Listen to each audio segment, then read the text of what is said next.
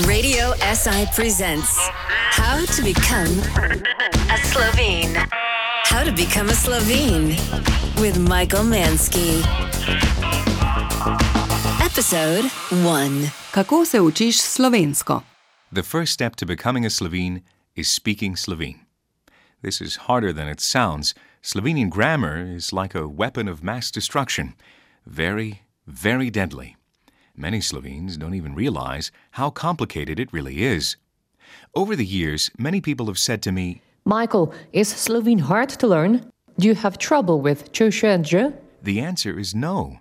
I don't have trouble with ch, sh, and zh. I don't think any foreigners do. They look a little funny, but it takes maybe five minutes to learn. Besides, the sounds are in English as well. Ch like in change, sh like in ship, and there's a zh in words like pleasure and genre. Let me tell you an example. Let's say you're walking around outside and you see someone and you want to ask them to go to lunch, but you don't know if they've had lunch already. In English, you would say, Hi, did you eat anything yet? Now, notice that did you eat anything is the only possibility. You would say that to your boss, to your friend, to your wife, to a group of people, to a child. It doesn't matter who you're talking to. In other languages, this is different. Let's look at German. To say, Did you eat anything in German? You suddenly have three possibilities. Hast du was gegessen? Haben Sie was gegessen? Habt ihr was gegessen? Now, German has three possibilities because the language has a formal and an informal case, and German also distinguishes between singular and plural. But still, instead of just, did you eat anything, you have three possibilities. Now let's take a look at Slovene. In Slovene, there's not just formal and informal. That's just the beginning. There's also gender. Are you talking to a woman or a man? And there's not just gender, the number is important. How many women and how many men? Not only that, Slovene has singular and plural, plus the dreaded dual case. So, German has three possibilities for did you eat anything. Now let's take a look at how many possibilities Slovene has.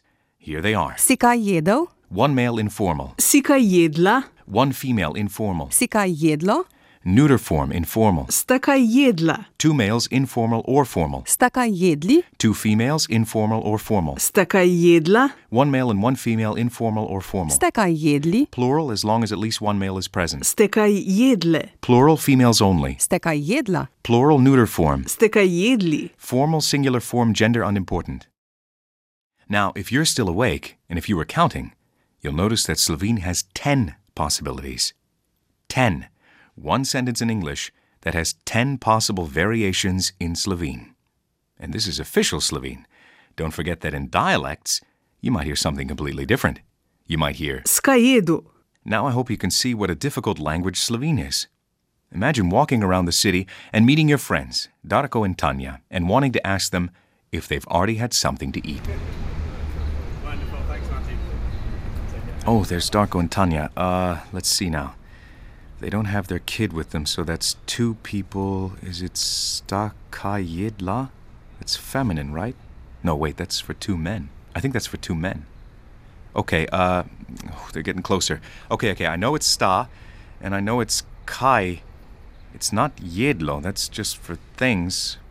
Well, actually, that's also little girls, right? Like in dekle je po vodo šlo. So, no, no, no, no. No jedlo, maybe jedli? That's plural, isn't it? Or is it jedli for two men? Uh, I don't want to call Tanya a man. Oh, they're here. Pozdravljen, Michael, kako si? Uh, odlično. Uh, gremo na kosilo? How to Become a Slovene. How to Become a Slovene. Presented by Michael Manske. Only on Radio SI.